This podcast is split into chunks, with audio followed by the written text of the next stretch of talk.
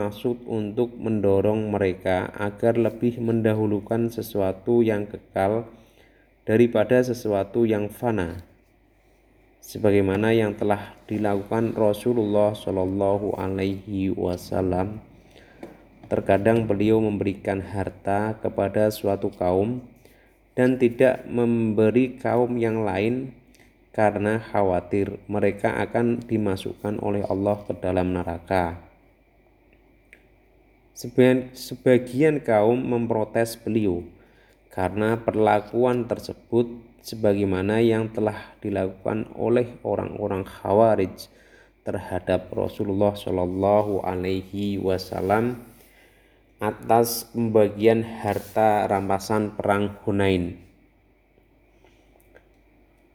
Imam Ahmad berkata, telah mengatakan kepada kami Ismail bin Ibrahim ia berkata telah mengatakan kepada kami Yunus yakni Ibnu Ubaid ia berkata telah mengatakan kepadaku Atta bin Farah Maula Quraisyin bahwa Utsman bin Affan menjual sebidang tanah kepada seorang hanya saja hanya saja orang itu terlambat menerimanya Ketika beliau bertemu dengan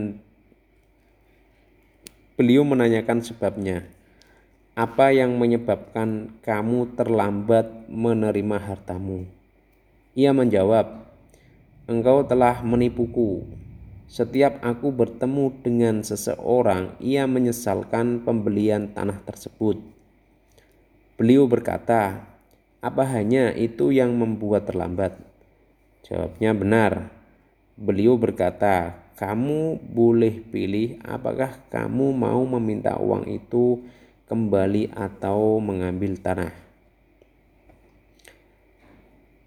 Kemudian Atok bin Farah Maula Quraisyin berkata, Rasulullah Shallallahu Alaihi Wasallam bersabda, Allah memasukkan ke dalam surga seorang mempermudah jual beli, menghukum dan terhukum diriwayatkan dari Ibnu Jarir bahwa Tolhah radhiyallahu anhu datang menemui Utsman bin Affan radhiyallahu anhu di luar masjid dan berkata kepada beliau, Uang 50 ribu yang dulu aku pinjam sekarang sudah ada.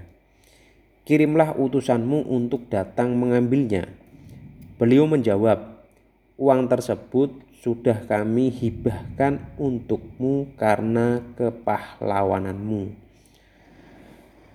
Asyam'i berkata,